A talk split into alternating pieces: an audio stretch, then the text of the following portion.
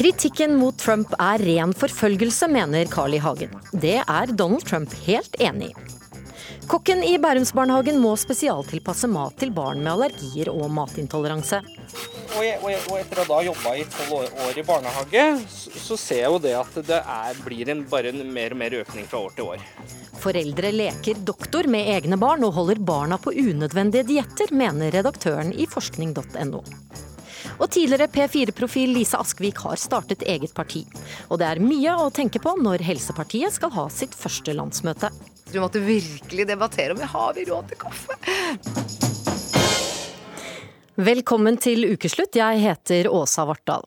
Og hvis du har irritert deg over vannskutere som raser rundt i skjærgården med store motorer, denne sommeren er det fare for at du kan bli enda mer irritert, for nå trenger ikke lenger skuterne å holde seg så langt unna land. Men først. De siste ukene har skandaleoppslagene om Donald Trump kommet som perler på en snor. I forrige uke ga han FBI-direktør James Comey sparken. Så skal han ha delt hemmeligstemplet informasjon med Russlands utenriksminister Sergej Lavrov. Denne uken fikk vi vite at han skal ha bedt den samme FBI-sjefen om å la en etterforskning ligge. Og det aller siste er at han skal ha kalt Comey en nutjob, altså en gærning på et møte med russerne. Trump selv mener kritikken mot ham er urettferdig. No politician in history, and I say this with great surety, has been treated worse or more unfairly. Carl I. Hagen, bystyrerepresentant i Oslo for Frp. Trump mener altså at han blir behandlet dårligere enn noen annen politiker tidligere. Har han rett i det på noe vis? Ja, jeg syns i stor grad så har han rett i det. Det er jo en, For det første er demokratene på jakt etter han, så er en venstrevridd, i hovedsak venstrevridd presse på jakt etter han og blåser opp en minste påstand, Altså presenterer de det som en opplysning, et faktum, når det er en ren påstand, f.eks. fra Comey om hva som har skjedd i et møte mellom de to, som selvsagt var rampert. Så jeg syns det blåses noe voldsomt opp. Man er på jakt etter å finne et eller annet å ta han på, og bruker hver eneste bagatell. Men er dette bagateller når du hører om disse tingene han har gjort? Er det ikke kritikkverdig hvis det viser seg at han ting, har gjort det? Altså det han, han har sparket FBI-sjefen, og det hadde han bestemt seg for lenge siden. Det har han full rett til. Og så kalte han han altså en gærning i et møte med russerne? russerne? Ikke så vidt jeg har jo vet at han har gjort det offentlig. Alle politikere snakker av og til privat sammen og bruker sterke uttrykk om hverandre. og, og, og bare sjekk på korridorene i alle norske landsmøter. Så du kan ikke, Private samtaler som er ment mellom to-tre mennesker, kan ikke bruke det. Og folk flest vet godt at man snakker av og til ting som man aldri ville drømt om å gjøre offentlig. Nei, det syns jeg det er typisk. Han skal ha sagt noe et eller annet sted til en eller annen og så blåses det opp som et faktum, og så lages det, begynner de å snakke riksrett. Jeg synes de Se heller på hva han gjør rent politisk. Det er det som er det interessante. Det blir interessante hva han gjør politisk. Hva, går, hva skjer med budsjettet? Han har lagt fram et budsjett. Det hører vi ikke om noe i mediene i det hele tatt. Jeg er veldig spent jeg, på om han får gjennom et budsjett og hvordan det går. Mm. Sofie Høgstøl, du er stipendiat ved Norsk senter for menneskerettigheter. Eh, er, har Hagen rett i at man nå blåser opp bagateller?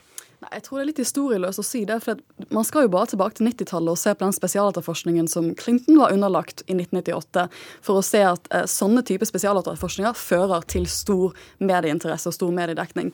Eh, han kalte vel også det for en, eller Hans støttespiller kalte vel også det for en heksejakt på den tiden.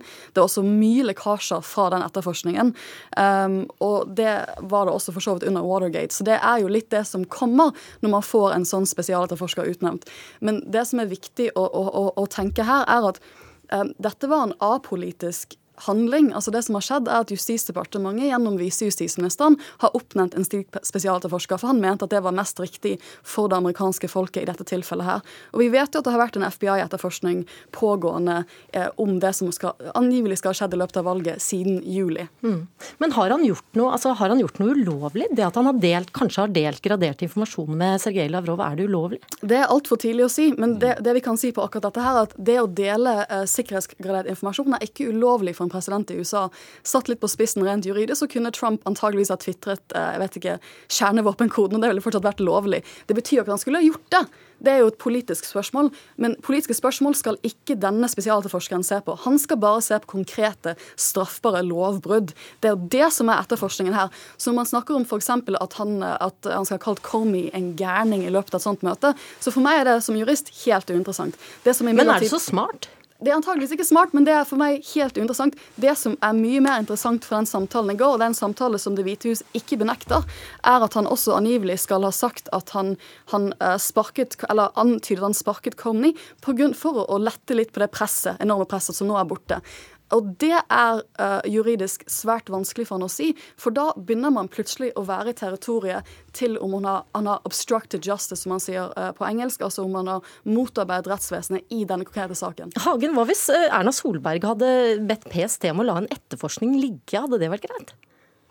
Det kommer helt an på omstendighetene. Altså, Hvis man i en bisetning og med et smil om munnen kanskje dere skulle la dette droppes, da er ikke det så farlig. Men hvis hun bruker sin, sin posisjon og gir en skriftlig instruks, så er det selvsagt ulovlig. Men er det, det ikke greit at man nå prøver å finne ut om det er det han har gjort? Det er helt greit. Jeg har ikke noe mot at denne spesialetterforskeren undersøker. og Det er jo valgkampmedarbeidere som han først og fremst undersøker kontaktene med russiske myndigheter. hvert fall en hva vet Trump om det? Vi anklager jo ikke Jonas Gahr Støre fordi en AUF-er kaster stein på meg eller andre. Det er, ikke, det er, ikke, hans ansvar. Så du må i tilfelle også bevise at Trump har visst om det og godkjent det. Hvis det har vært gjort noe ulovlig. Og det er helt klart, Riksrett det er et juridisk strafferettslig ansvar. Det er ikke politikken. Det er Riksrett, det er en domstol, som du også sier. Det er en juridisk uh, greie. Og da må han ha begått Han må ha begått ulovligheter. Og Den etterforskningen kan fortsette. Den har ikke noe imot at det etterforskes og undersøkes og vurderes av rettsapparatet på en fair og ordentlig måte. og Der har jeg også konstatert med tilfredshet at han som er spesialetterforsker, han har høy integritet. Og han har bevist sin partipolitiske uavhengighet, og det er betryggende. Du er inne på dette med riksrett. Vi skal høre Det er andre presidenter før han som har vært i, i hardt vær. Hør på dette. I did not have sexual relations with that woman, Miss Lewinsky. Well, I'm not a crook. I've earned everything I've got. Vi hørte altså Bill Clinton som ble stilt for riksrett i Lewinsky-saken, og Richard Nixon som etter Watergate-skandalen hevdet at han ikke var en skurk, øh, men som trakk seg før han da ble stilt for riksrett. Rett. Øh, flere stemmer i USA roper nå på riksrett, som du sa her, Hagen. Kan disse sakene sammenlignes på noe vis, tenker du? Nei, ikke så vidt jeg kan skjønne. Det, det, det som vel Bill Clinton ble anklaget for, var å ha løyet under eds ansvar. Altså, Det var det han var anklaget for, ikke at han hadde hatt sex med denne unge jenta, men fordi han i en rettslig avhør hadde løyet. Og det var det han ble tatt for. Noe av det tilsvarende var også med, med, med Nixon. Noe flere ting der. Han hadde på ulovlig måte samla inn penger og gjort veldig mye ting med avlytting av folk osv. Eh, han trakk seg. Mens eh, hittil har ikke jeg sett noe anklager om lovbrudd fra uh, Trumps side. Høgestøl, er det for tidlig å rope riksrett? Det er, uh, det er et polit jeg vil nok være litt uenig med at det er en rettsprosess. Det er en politisk rettsprosess. Det er en prosess som er igangsatt av Kongressen. Det vil si de som er valgt i huset. Representantenes hus kan igangsette en sånn prosess. Således er det eh, atskilt fra den straffeetterforskningen som FBI nå holder på med. Um, og det er, jo, det er, jo, litt sånn at man har jo ofte det, det er ikke uvanlig at politikere går ut og snakker om riksrett, f.eks. Altså jeg tror at, jeg mener å huske fra 2001 at du også snakket om riksrett med tanke på um, Hva var det? Utbygging av um, uh, Tre dommere. Ja.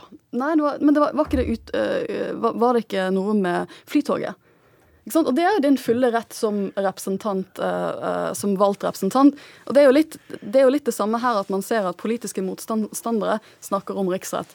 Og vi må jo huske at før valget også, så var det jo republikanere tross alt som også snakket om å stille Clinton for riksrett hvis hun skulle vinne valget. Så det er ganske normalt. Helt, helt kort til slutt. Dette er en jurid, riksrett er en juridisk sak. Og det, I Norge er det Stortinget som vedtar å reise eventuelt en sak overfor en statsråd, en stortingsrepresentant eller en høyesterettsdommer. Eh, men selve prosessen er akkurat som en vanlig domstol. Denne saken kommer til å fortsette. Trump er altså i Saudi-Arabia, mens eh, det koker i eh, USA. På onsdag, selveste 17. mai, begynte ryktene å gå. Og så kom nyheten om at Joshua French var satt fri og allerede hadde landet i Norge etter åtte år i kongolesisk fengsel. Jeg er i dag glad for å kunne bekrefte at eh, norske og kongolesiske myndigheter har kommet til enighet om at Joshua French overføres til Norge. Joshua French kom i dag tilbake til Norge, og han er i de beste hender. Kristine Presttun, NRKs korrespondent i Afrika. Du er i Kinshasa, Kongos hovedstad, og du har fulgt denne saken tett. Hva sier de du har snakket med om at Joshua French nå har sluppet ut av landet? De jeg har møtt på gaten her i Kinshasa, de er opprørt over at eh, presidenten har gått med på å overføre ham til Norge. Noen kaller det et svik. Og så har de en helt klar forventning om at han nå, nå som han er i Norge, ja da må han sone dommen sin ferdig i et fengsel der. Og så har jeg snakket med en rådgiver til regjeringen som sier at ja, avtalen er at Frelst skal sone dommen i Norge. Men dette er altså ikke offisielt bekreftet ennå. Er det noe oppmerksomhet om denne saken i kongolesiske medier? Og dette er jo ikke en stor uh, nyhetssak her, men så har det spredd seg på sosiale medier at French er sendt til Norge. Og det har jo skapt et visst uh, engasjement. Fordi at den gangen da vi ble arrestert, så var jo dette en stor sak. Og vi skal huske at Kongo har lang erfaring med såkalte hvite leiesoldater som kommer hit og tar seg til rette. Og det forklarer eh, ganske mye om hvorfor denne saken har skapt så sterke følelsesmessige reaksjoner her. Mm. Hva slags eh, situasjon er det nå i Kongo, nå når dette skjer? Afrikas nest største land er faktisk i en dyp krise. Det er ebolautbrudd i nord, det er opprør flere steder i landet. Og presidenten han klamrer seg til makten. Han skulle nemlig egentlig gått av i fjor. Men til tross for alt dette, så fikk man altså til en løslatelse. Mm. Det, da har de altså mye annet å bry seg om. Kristine, eh, tusen takk til deg, Kristine Prestun, eh, vår korrespondent i Afrika. Vi skal til deg, Jostein Holm, du er med oss fra studio i eh, Tønsberg. Joshua French bodde store deler av oppveksten sin hos deg og din familie. Hvordan reagerte du da du så Erna Solberg stå på TV 17. mai og si at nå var han tilbake i Norge? Akkurat eh, den eh, situasjonen da hun kom på TV med sin uh, informasjon, så var det jo bare en stor glede og en stor lettelse etter en dag med litt forvirring, masse tvil og litt håp. Mm. Har du snakket med han nå etter at han kom tilbake? Nei, det har jeg ikke. Uh, vet du noe om hvordan han har det? Nei, jeg vet ikke noe om det. Han er på sykehuset, og jeg regner med det at uh, Eh, jeg får ikke gjort noe verken fra eller til med hans situasjon, men vi vil nok eh, ta kontakt med det første og høre om vi ikke kan få komme innom en tur. Mm. Du var da 18 eh, uker hos ham i Kongo for to år siden, da du avløste moren Kari Hilde French. Hadde du da tro på at han noen gang skulle komme seg tilbake til Norge? Da jeg reiste til Kongo, så var det nok en viss tro igjen Eh, og vi hadde jo situasjoner to ganger, jeg var der nede tre omganger, og to ganger så utsatte jeg hjemreisa med tro på at jeg skulle få reise hjem sammen med han.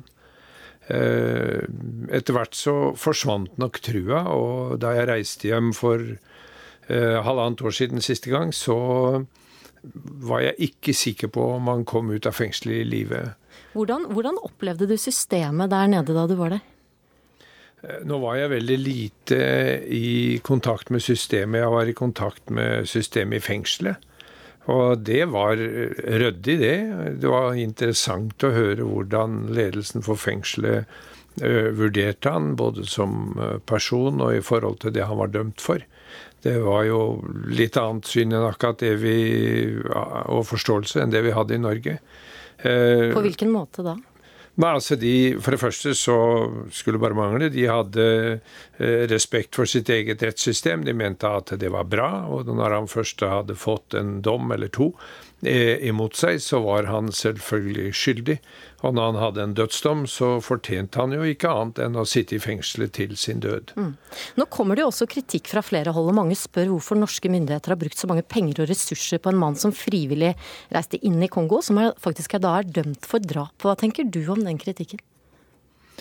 Jeg kan godt forstå den kritikken, men eh, jeg er jo ikke rette mann til å uttale meg om det. Jeg er ikke objektiv i denne saken. Jeg eh, er såpass nær Joshua at eh, Eh, jeg får lov til å tenke mitt, for å si det sånn.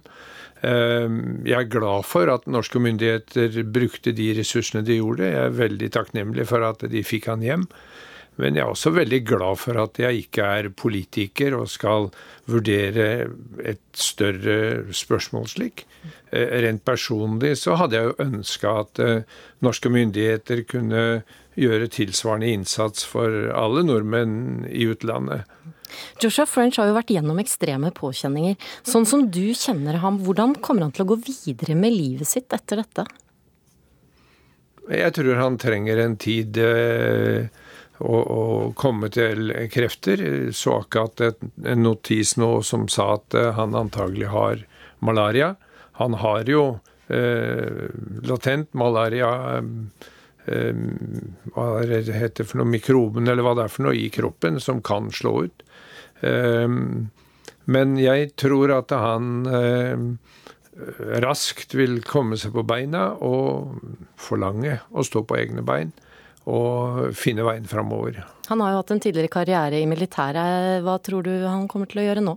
Jeg tror ikke han kommer til å forsøke å komme tilbake i den type tjeneste, verken i militæret eller i utenlandstjeneste. Um, noe av det vi snakka om i når jeg var i Kongo, det var at eh, han kanskje skulle prøve å studere. Han eh, har jo en videregående eksamen som gir han åpninger eh, i så måte. Han var vel ikke helt klar på hva han skulle studere, men den gangen tenkte i den retningen. Det var jo det snart to år siden vi snakka om det.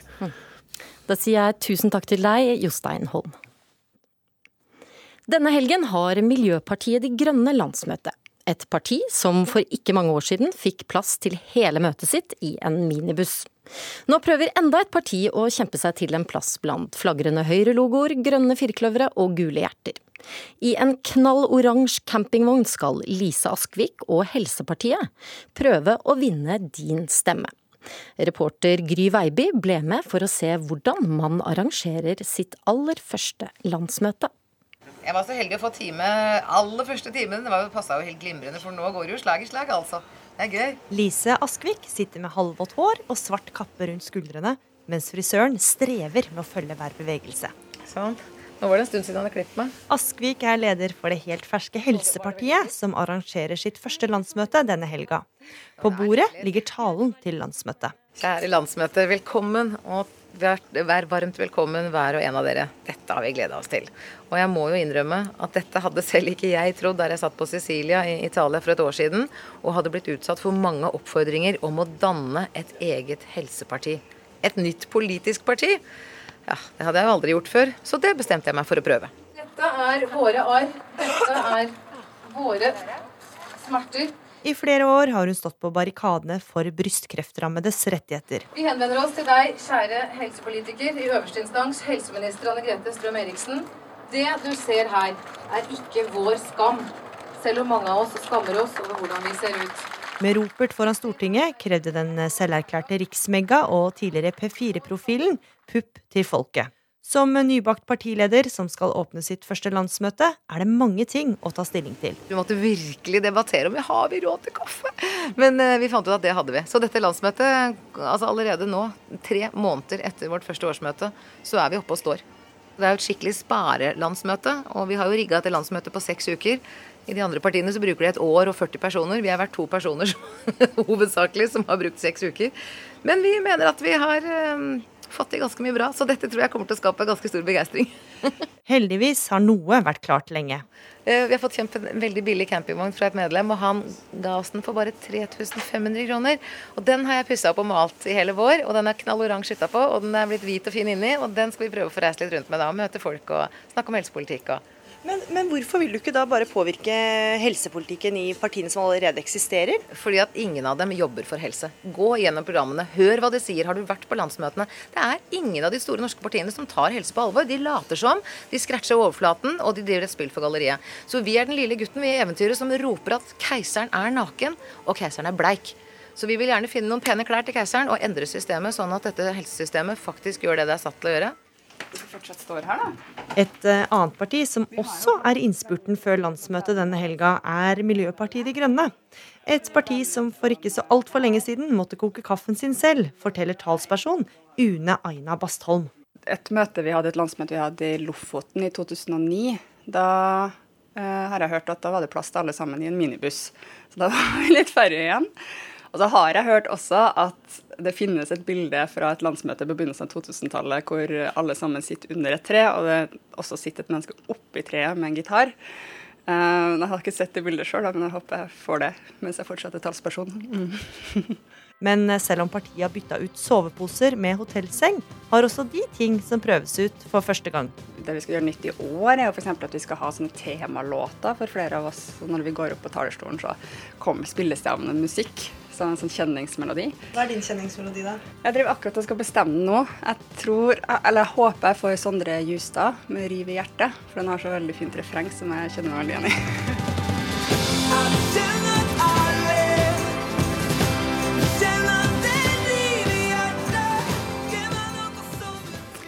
Um, så det er jo et tips til Helsepartiet å kanskje finne noen passende sanger som de kan ha sammen når de møtes.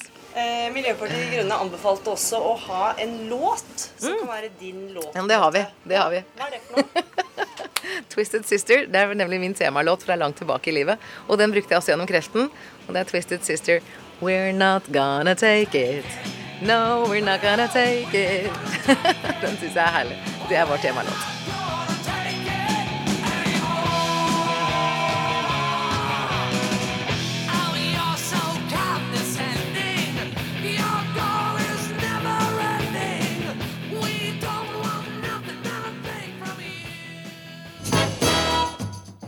TV-serien 13 gode grunner går som en farsott blant tenåringer.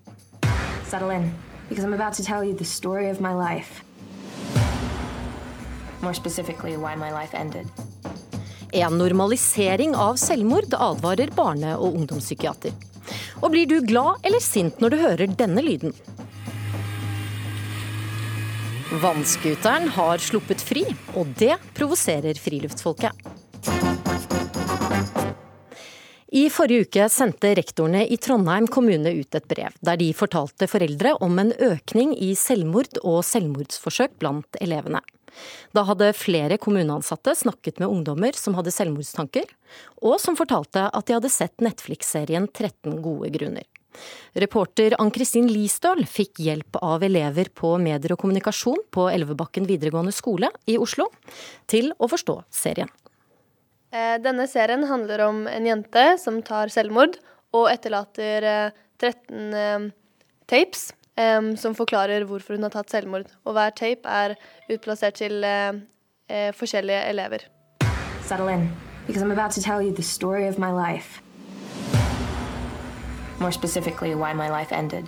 Og kassetten starter med hvis du har mottatt en av disse 13 kassettene, så får du historien om livet mitt, eller bedre hvorfor livet mitt endte det er jo, det er jo så, det er så sykt viktig tema, det her. Og det er så veldig mye viktig som blir tatt opp i serien. Men bare akkurat den scenen hvor hun tar livet sitt, det er veldig, veldig, veldig virkelighetsnært. Og det, veldig, det var veldig ubehagelig å se på. Noe jeg syns er veldig dumt, er at ja, den scenen her er veldig grotesk, og det er kanskje mange som blir trigget av den, mm. men den scenen her tar på seg så mye viktige ting, sånn som du sa det er så viktig å formidle at folk kan føle seg utafor, folk kan føle seg mobbet av ting som kanskje ikke vil bli oppfattet som mobbing. Det, burde belyses, men det er, det er så virkelighetsnært at det kan trigge hvem som helst, nærmest. Er, man vet aldri hva, som, hva reaksjonen blir. Jeg har lært at jeg skal eh, være forsiktig med hva jeg sier til folk. Det jeg har lært, er at hver eneste lille detalj da, kan ha noe å si. Altså en liten kommentar kan ha noe å si for en person, hvis den personen får ganske mange ganger den lille kommentaren. da. Kristina Jonstad, du har opplevd at din søster tok sitt eget liv. Du er leder i Unge Leve, som er organisasjonen for etterlatte etter selvmord. Og du er med oss fra Bodø, der eh, organisasjonen nå har sitt årsmøte. 13 episoder som beskriver hvorfor og hvordan en ung jente tar sitt eget liv. Hvorfor kan det være bra for unge mennesker å se? Eh, det er en veldig viktig serie i den forstand at jeg tar opp eh, den vanskelige og stigmatiserende tematikken selvmord. Eh, og jeg støtter meg veldig til den forskningen som viser at åpenhet redder liv. Jeg tror det å tie i hjel kan gjøre mer skade enn det å være åpen, men absolutt ikke når det går på bekostning av unge menneskers liv. Men eh, du mener jo snarere tvert imot at den her kanskje kan motvirke selvmord? På hvilken måte? Eh, nei, det er jo dette her i forhold til åpenhet. da. Eh, hvis, vi, hvis, vi, klarer å sette på dagsorden og, og diskutere omkring selvmord, så, så, tror jeg det kan, det kan hjelpe både de som, eh, som sliter sjøl, og de som er etterlatt, da, som, som sliter litt med det tabuet. Mm. Trude Fiksdal, du er avdelingsleder på barne- og ungdomspsykiatrisk avdeling på Oslo universitetssykehus. Du er ikke helt enig i dette her. Hvorfor er du skeptisk til denne serien? Først så er jeg helt enig i at åpenhet er godt og bra, og det å nedbygge tabu rundt psykisk lidelse og selvmord, det er bare av det gode. Når jeg er skeptisk til denne serien, så handler det om hvordan man fremstiller selvmordet, og hvordan man fremstiller årsakene til selvmordet. Eh, Hva mener du med det? Hvilke årsaker er det du er eh, Nei, altså, eh, På en måte så opplever Hanna i serien hun opplever mange belastninger som er store. Og som ungdommene sa i denne, dette intervjuet, så er det jo ikke sånn at vi voksne alltid vet hva som oppleves belastende for ungdom.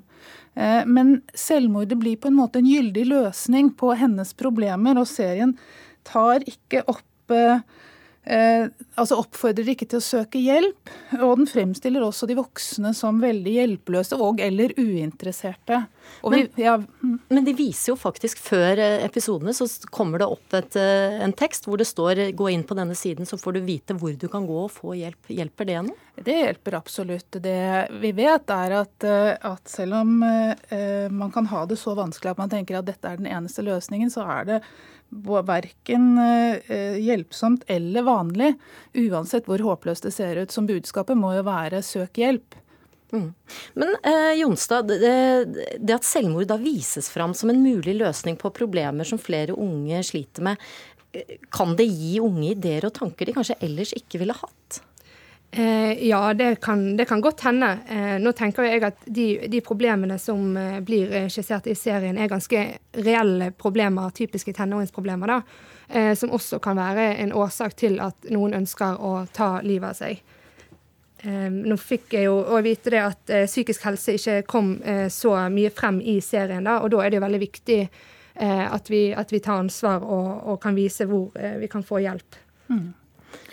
Men jeg er helt enig i det. Og, og de problemene hun har bl.a. med sånn nettmobbing, blir hun utsatt for. Hun blir utsatt for seksuelle overgrep. Hun blir utestengt. Alle disse tingene vet vi er med å påvirke ungdoms psykiske helse negativt, og også kan føre til økt eh, grad av selvmordstanker og selvmordsforsøk. Sånn at det er reelle problemstillinger serien tar opp. Det er mer hvordan de fremstiller, bl.a. ved eksplisitt å vise et, selvmordsforsøk, eller et selvmord og vi vet uh, fra forskning at det kan ha en smitteeffekt. og nettopp derfor, har jo også pressen en Vær varsom-plakat med hvordan de omtaler selvmord. Mm. Men akkurat det som de unge sier her, altså serien lærer dem om hva nettmobbing, utestengelse og sånne ting kan føre til. Er, er ikke det bra at de på denne måten lærer seg, at de tenker seg om en gang til før de kanskje sender det bildet av en venninne videre eller noe ja. sånt noe? Det er veldig bra at man snakker om hvordan man skal ta hensyn til hverandre og lærer seg å tenke over hvordan virker det jeg gjør nå på en annen. Men det å ansvarliggjøre noen for en annens handlinger, eh, og i dette tilfellet noe så alvorlig som et selvmord Vi vet at etterlatte etter selvmord eh, ofte sliter med skyld og skam. Kunne jeg gjort noe annet? Jeg, var det noe jeg sa eller gjorde som utløste dette? Så det er også et tveegget sverd da, å, å fremstille det sånn som det gjøres i serien. Hva tenker, hva tenker, du om det, Jonstad? Er det Legger denne serien mye skyld på de, de, som er igjen? Eh, det er noe det jeg eh, reagerer på med serien. Altså, så etterlatt så, så reagerer jeg på hvordan enkeltindivider kan virke litt sånn eh, ansvarliggjort for en person sin selvmord. Og dessverre så er jo skyldfølelse et begrep vi til stadighet hører om. Og de som klandrer seg sjøl for hva de gjorde og ikke gjorde, de kan ikke bære på denne skylden. Og det, det håper jeg at kommer frem. Fiksdal? Ja, Dette tror jeg vi er helt enige om. og jeg tror også eh, Det vi vet, er at ungdom liker å snakke med voksne. Norske ungdommer liker å snakke med foreldrene sine, og foreldre er flinke til å snakke med ungdommene sine. Og det hjelper ungdommene å snakke med voksne. Eh, sånn at jeg vil jo oppfordre, hvis noen skal se denne serien, som jo tar opp viktige problemstillinger, Se den sammen med ungdommene og snakke med dem om de følelsesmessige reaksjonene de får på denne serien. Men det er jo veldig mange ungdommer som velger å ikke se denne serien sammen med foreldrene sine. Ja. Og det vil du advare mot? Ja, for ungdom har jo ikke rukket å få så mange erfaringer med hvordan man håndterer vanskeligheter i livet. Og vi som voksne vi har litt mer erfaringer. Og så har jo vi en tendens til å jevne veien for ungdommene våre, så, sånn at de ikke får så mye problemer, og det gjør alle. Men, eh, men det å, å, å, komme med sin livserfaring som voksen, det, da må man kanskje trenge seg litt på, altså. Mm. Rett og slett. Jonstad, du er jo på eh, årsmøtet til Leve, organisasjonen for etterlatte. Diskuterer dere denne serien? Det er nok ikke et eh, tema som eh, står på dagsorden, men det er absolutt veldig relevant, eh, relevant for oss å diskutere det på landsmøtet, fordi at det er så i vinden for tiden. Og vi vil òg snakke litt om hvordan vi skal stille oss til, til, den serien, og hvordan vi kan hjelpe både de etterlatte og andre. Ja, for dere har jo ønsket mer åpenhet, og da må jo den serien være kjære, kjærkommen? Ja, absolutt, men ikke når det går på bekostning av unge menneskers liv. Da sier jeg tusen takk til dere, Kristina Jonstad og Trude Fiksdal. Du har kanskje gjort det selv, arrangert barnebursdag og opplevd at noen ikke kan spise pølsene, at andre må sjekke at det ikke er gluten i geleen, og at noen har med egen kake uten egg. Og selv om noen har høyst reelle allergier, er det kanskje litt rart at det er flere som er intolerante mot visse typer mat nå enn tidligere. Det bekymrer Sindre Olavsrud, kokken i barnehagen Child Planet i Bærum. Fra høsten av må barna her ha med seg legeerklæring hvis de skal få spesiallaget mat.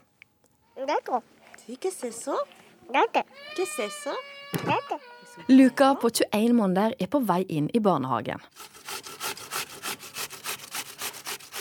På kjøkkenet er Sindre Olavsrud godt i gang med dagens lunsj. Vegetarburger med potetbåter og tzatziki. Mye å ta hensyn til, det er det. Eh, når vi skal lage tzatziki nå, så er det jo det at vi lager den på, på, på naturell yoghurt. Man har også da kjøpt inn eh, For vi har en del eh, melkeallergi. For det blir soyayoghurt til alle med melkeallergi. Kjøkkensjefen i barnehagen Child Planet Atlantis i Bærum ser ei utvikling som bekymrer han og, jeg, og, jeg, og, etter å da jobba i tolv år, år, i barnehage, så, så, ser jeg jo det at det er, blir en, bare en mer og mer økning fra år til år. Det vi også har sett en veldig stor økning av, er også de med eggeallergi. Ifølge Olavsrud har 19% av barna en eller annen form for allergi. Fra høsten må alle med allergi levere legeerklæring. Men det trenger ikke Luka, for han spiser det meste. Nina Kristiansen, du er redaktør i forskning.no. I Aftenposten denne uken så skriver du at foreldre holder barna på unødvendige dietter. Hvordan vet du at de er unødvendige? Det, jeg skrev om i Aftenposten, var en uh, studie som vi omtalte på forskning.no. Om uh, en stor studie blant svenske barn, hvor uh, veldig mange av foreldra sa at barna hadde matallergier og holdt dem på dietter. Og det var faktisk, når, barna var tolv år, så var det 26% som hadde matallergi, sa foreldra. Og så blei de testa i dette forskningsprosjektet. Og så viste det seg det at det var jo langt nær så mange som hadde matallergi. Eh, det var faktisk ganske få. Så 400 barn da, i den gruppa ble holdt på dietter som ikke var nødvendige. Men hvilke interesser, altså hvilken interesse kan foreldre ha av å holde barna unna mat de faktisk tåler? Ja, altså De svenske forskerne sier at det kan være matintoleranse eller, eller allergier til og med i de første åra. Fordi at eh, barn ganske, kan ha mange matallergier og tåle lite av bestemte matvarer de første åra, men så vokser man dem av seg. Og det er jo det som er spesielt med barn og matallergi. I den skolealder så er veldig mye borte. Eh, og så eh, går de ikke og sjekker, da, eller de går til useriøse klinikker, eller de tror eller tenker at de har matallergi, disse foreldre, og så lar de barna være på, fortsette på dietter som er helt unødvendige. Eller de ser at barna har plager. Eh, og så tilskriver de det nå for tida, så blir det da tilskrevet matallergi. Og jeg kaller, sier jo det så, sånn at jeg mener at de foreldra leker doktor med egne barn, da. Bernt Rognlien, eh, du er daglig leder på Balderklinikken, eh, som tilbyr skolemedisinsk behandling og behandling med alternativ medisin, og også ernæringsveiledning. Opplever du at foreldre leker eh, doktor med egne barn? Ja, på en måte så er jeg helt enig. Det er veldig mange foreldre som ser at barna mistrives med maten og får smerter etter mat, og så øh, øh, ender de opp med å tro at de har en eller annen form for intoleranse, og så får de ikke noe svar hos legen sin, eller får ikke noe utredning som ender i noe, og så fortsetter de å holde barna uten disse matvarene ubegrunnet. Så jeg er i utgangspunktet helt enig, men det er både en overdiagnostisering blant mor og far for å prøve å ta vare på, på barnet sitt best mulig, og så er det en underdiagnostisering i helsevesenet. Vi er veldig lite flinke til å diagnostisere disse problemene, fordi matallergi og matintoleranse er sammensatte problemer som krever tid. Vi, vi bruker en sykehistorie for å se om vi får napp i forhold til måltider. Vi kan ta blodprøver, men det er ikke nok. Og det er det stort sett norske leger gjør. og så Da får man bort de barna som da ikke har direkte allergi. Og så går man ikke videre med en systematisk eliminasjon og provokasjon, som er den diagnostiske måten å ta dette på. Men det er tidkrevende legearbeid og vanskelig legearbeid. Men vil det si at du tror at noen av disse barna som da viste seg egentlig ikke hadde allergi, faktisk kan ha det fordi at man undersøker det ikke godt nok? Altså Det vet vi jo fra cøliaki, f.eks. Man regner med at cøliaki rammer ca. 1% av befolkningen. I dag er det 25% av den ene prosenten, altså litt, sånn rundt 12 000 som får støtte til fordyrende kosthold. Så det går eh, 35 000 nordmenn helt sikkert med en skikkelig cøliaki som er udiagnostisert. I tillegg viser studier nå at cøliaki kanskje har økt med 50 Noen studier viser dobling, tredobling, og noen til og med femdobling. Så Cøliakiforeningen og spesialister i Norge sier at det kan gå mellom 70 og 100 000 nordmenn med cøliaki uten å ha fått diagnosen. Så det er ikke noe tvil om at dette er underdiagnostisert. Og det gjelder også andre former for matintoleranse. Vi har for dårlige prøver. Legene er ikke godt nok lært opp til dette. Og der blir det altså en mis, mis oppfatning. Mange foreldre som overdiagnostiserer, og helsevesenet som definitivt også underdiagnostiserer. Da, men, men, problemet er jo da ikke sant? Altså, Har du en allergi, så får du en allergisk reaksjon. Det skjer noe i immunsystemet. Den sprøyter ut antihistaminer, og du får reaksjoner. Ikke sant? Mm. Og, kan, og, og allergitestene er sånn ca. 95% sikre. Så, så, det kan man teste seg. Man kan teste seg for cøliaki gjennom en gentest. Man kan teste seg for laktoseallergi. Men, men så har du alle disse intoleransene. Og så, og så tilskriver vi alle disse her tinga som vi reagerer litt på. Den tilskriver vi liksom mange symptomer i kroppen. Og så går vi til useriøse klinikker som bruker blodprøver for å teste ut uh, matintoleranse. Men det gjør jo Rognlien blant annet. Er det useriøst det han driver med? Det vil jeg si. De, blod, de blodprøvene som brukes for å teste intoleranse, de har vært forska på i ti år. Og det er ingen av de liksom seriøse forskerne og seriøse klinikkene som bruker dem. Men de useriøse klinikkene, de bruker dem. Og det mener du Balderklinikken er. Bruker dere metoder som gjør at folk faktisk blir gitt en diagnose de kanskje egentlig ikke har? Ikke ved blodprøver. Nei. Fordi Men hvordan, hvordan undersøker dere det? Som, det er masse typer blodprøver som kan brukes her sånn. Og vi bruker den samme teknologien for å stille cøliakidiagnose eh, og, og for så vidt også eh, matallergidiagnose, hvor du har sånne straksallergier. Med, tester dere for matintoleranse? Ja, men det er, det er, jo de prøvene vi bruker. Og vi utreder for cøliaki. Og vi bruker også andre prøver som ikke er godt nok dokumentert for å stille diagnosen. Men da ender vi opp i det som er gullstandarden i, i utgangspunktet, men som er veldig vanskelig å gjennomføre. Da har du en diagnostisk eliminasjonsdiett som du må sette disse pasientene på. Og det skal ingen gå på hvis ikke de har noen medisinsk grunn til det. Og det er viktig. Og så gjør du en systematisk provokasjon på én og én matvare.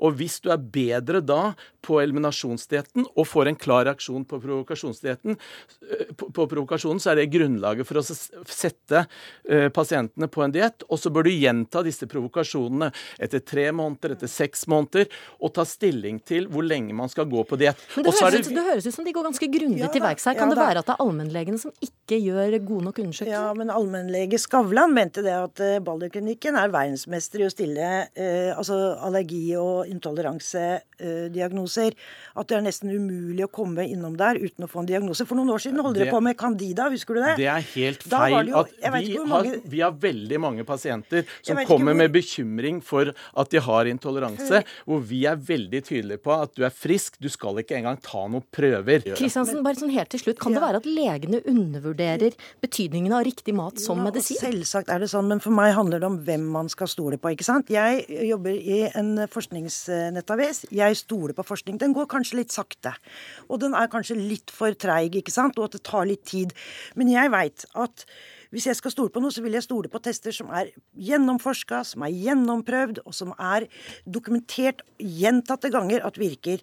Mens sånn som Balderklinikken og en del andre uh, useriøse klinikker, de bruker Det syns jeg er helt feil av deg. Vi bruker de teknikkene og prøvene som Men for eksempel Candida har dokumentasjon. Hvis jeg kan få snakke litt, så vil jeg si at Men dere sånn, har alle de testene dere Ja. gjør, alle, alle de teknikkene dere bruker, de er gjennomdokumentert? Eh, Ikke for oss å stille diagnosen alene, for det er ingen blodprøver som kan stille men- den diagnosen. men Men, dette- vi dette ender her- opp da med en systematisk eliminasjon og provokasjon. Og det er måten å gjøre det på. Og det gjøres ikke i dagens helsevesen i noe særlig grad blant allmennleger. Nei, Og det er det- derfor foreldrene ikke får riktig Nei, svar, og ikke derfor, får riktig dom. derfor så tjener disse klinikkene mye penger. Disse prøvene er ikke testa. F.eks. Candida, som Balderklinikken holdt på med for noen år siden. En kjempediagnose. Alle som kom innom, fikk en Candida-diagnose. Den er borte nå. Dette her går i bølger. Nå er det matallergi, nå er det matintoleranse, og så er det noen som Jeg kjenner meg ikke igjen i det du beskriver i det hele tatt. Men bare, men bare akkurat det der, for det er noen sånne, sy, altså sånne intoleranser som dukker opp, og så forsvinner de igjen, og så kommer det andre igjen. Er ikke det litt rart?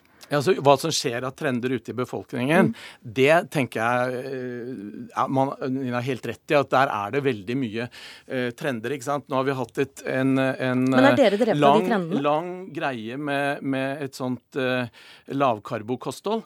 Og mage-tarmspesialister i Norge tenker jo at det, det at folk føler seg bedre på et lavkarbokosthold, det henger sammen med at veldig mange har uh, overfølsomhet for, for gluten. Bare helt til slutt, Bekymrer det ikke deg at mange barn nå går rundt og tror at de er allergiske mot mat de faktisk ikke er allergiske Ja, mot? Det er jeg helt enig i. Det er ikke bra. Og de bør få bedre hjelp i helsevesenet. Og da eh, mener jeg også i det offentlige helsevesenet, som blir, bør bli mye flinkere på dette. For man skal ikke utsette barn for eh, innskrenkninger i kosthold og sosiale handikap uten at man har en grunn til det. Det må, det må bli siste år. Tusen takk til dere, Bernt Rognlien, daglig leder i Balderklinikken, og Nina Kristiansen, redaktør i forskning.no. Dette er lyden av Bård Hoksrud, som kjører vannskuter i Oslofjorden for litt over ett år siden. Da protesterte Frp-politikeren mot at reglene for vannskutere var strengere enn reglene for fritidsbåter. Vannskuterne måtte nemlig holde seg 400 meter fra land i saltvann og minst 500 meter fra land i ferskvann. Men onsdag denne uken så cruiste du inn til seier i denne saken, Bård Hoksrud, for nå kan du gjøre det samme med en vannskuter som du kan med en fritidsbåt. Eh, Og du er for øyeblikket i vannkanten i Kragerø. Bård Hoksrud, har du tatt deg en tur i høy fart nær land for å feire? Nei, jeg har ikke det. altså. Jeg har ikke sett en vannskuter eh, siden jeg kom hit i går kveld heller. Altså. Så det er ikke så veldig mange å se her. Men eh, jeg, jo, jeg tror det er mange som er fornøyde over at man nå har fått fjerna det rare regelverket som har vært der. Og så er ikke dette sånn at dette er noe viktig nødvendig sak for Bård Hoksrud, men jeg er lydhør og ombudsmann og tar med meg saker tilbake når jeg blir kontakta av folk. Og det er mange i Grenland som er opptatt av dette med vannskuter. Og derfor har jeg også løfta denne saken og er veldig glad for at man nå gjør om regelverket. Hvorfor er det bra for alle oss som ikke kjører vannskuter, at de nå ikke lenger må følge reglene og holde seg minst 400 meter fra land? Jeg tror at Det beste er at man får likt regelverk, sånn at det er enklere for de som skal kontrollere og følge med dette. Og så har vi nok opplevd også at man har kjørt på noen områder og kjørt veldig mye bare på et lite område. Fordi det har vært der det har vært lov å, å kjøre, eh, sånn som regelverket har vært eh, fram til nå. Det var jo forbud også for en tid tilbake, men de rød-grønne åpna for at man skulle kunne kjøre men da 400 meter fra land. og Det har vært mye utfordringer. Man ser at eh, Color Line-båten, eh, svære ferja, kan kjøre forbi det Drøbaksundet i, jeg tror det er 15-20 knop, mens en vanlig vannscooter har da måttet tuft, eh, tøffe ut i fem, fem knop, mens en annen båt har kunnet kjøre på samme, med samme farta som den svære ferja. Mm. Siri Mæland, du er fagsjef for eh, samfunnskontakt i Norsk Friluftsliv. Du var ikke like glad da du fikk vite dette på eh, onsdag. Det var en mørk dag for dere i Norsk Friluftsliv? Ja, på vegne av eh, våre én million medlemskap så syns vi dette er en trist utvikling, og vi mener at regjeringen er helt på ville veier i forhold til dette. Dette er ikke noe folkekrav. Men hvorfor er det trist? Hva, det som, hva går dette utover? Dette går utover Det blir høyere fart nærmere land. Det går utover de myke trafikantene på sjøen, som eh, badende, som padlende, som seilende, som dykker. De som oppholder seg, også de som oppholder seg langs kysten. For eh, det Bård Hoksrud sier, er at eh, de vil nå kjøre mer. Nei, Bård Hoksrud, dette her er et leketøy. Og forskjellen på en vannskuter og en båt, det er veldig tydelig. Mens en båt passerer, så vil en vannskuter være på samme sted over tid og leke. Du tøffer ikke rundt i en vannskuter. Den er laget for fartslek. Hoksrud, svar på det. Ja, det er faktisk feil, for det er forskjellig hvordan man bruker dette. på samme måte man kan hva bruke bruker en man, båt. hva bruker man den til? Ja, Man, man, mange bruker dette å transportere seg, kjøre over lengre strekninger. De syns det er en mye mer ålreit måte å, å transportere seg på. Og så er det selvfølgelig noen som leker med det, men det er altså med vanlige båter. Jeg husker den gang jeg var liten, så var det en 10 fot hvitt dromedille med eh, 9,9 eller 15 hester. Det var det man brukte. og Da så kjørte man rundt og rundt, og det var et leketøy fordi man syntes det var morsomt. Eh, men det er også andre som bruker det fordi de skal ut og fiske eller gjøre andre ting. Så man kan bruke dette akkurat på samme måte som, et, som en annen båt. Og jeg syns det er litt trist at man har som utgangspunkt at de som kjøper vannskuter, de oppfører seg som eh, tullinger på vannet. De, skal kunne, de som må oppføre seg de som alle andre. De skal følge de reglene og de lovene som er der, og skal oppføre seg akkurat som alle andre som er på vannet, må gjøre. Mæland, svar på det. Hva er egentlig forskjellen på en vannskuter og f.eks. en ribb som kan komme opp i like høye hastigheter, og som også mange bruker som et leketøy? Ja, det er helt riktig. Men en vannskuter er lett å manøvrere. Den har uforutsigbarhet som skaper utrygghet for de som er i nærheten. Jeg selv padler og har nesten blitt påkjørt av en vannskuter. Det dreier seg om lek og et leketøy og ikke noe annet.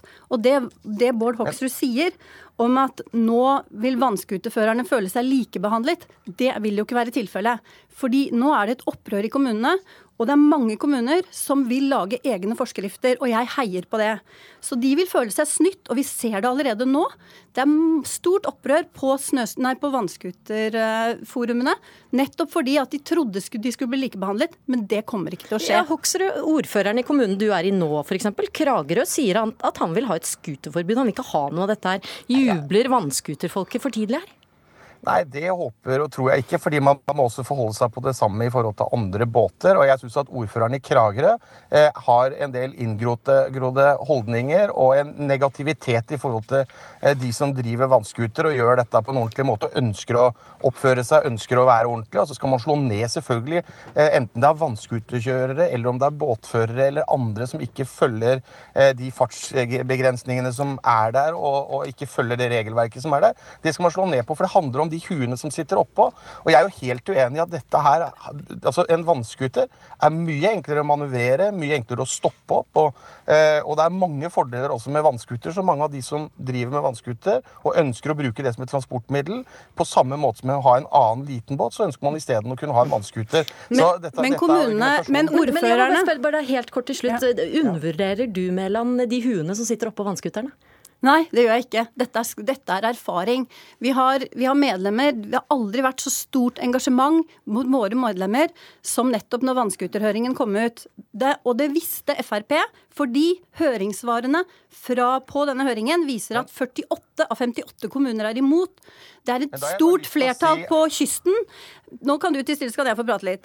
Og som, som lov- og ordensparti Frp så vil dere, still, vil dere ha et tilstrekkelig midler til kontroll og oppfølging, sånn at, sånn at eh, vannskuterne holder seg til regelverket framover? Nå må jeg nesten eh, avbryte dere, Siri Mæland og Bård Hoksrud.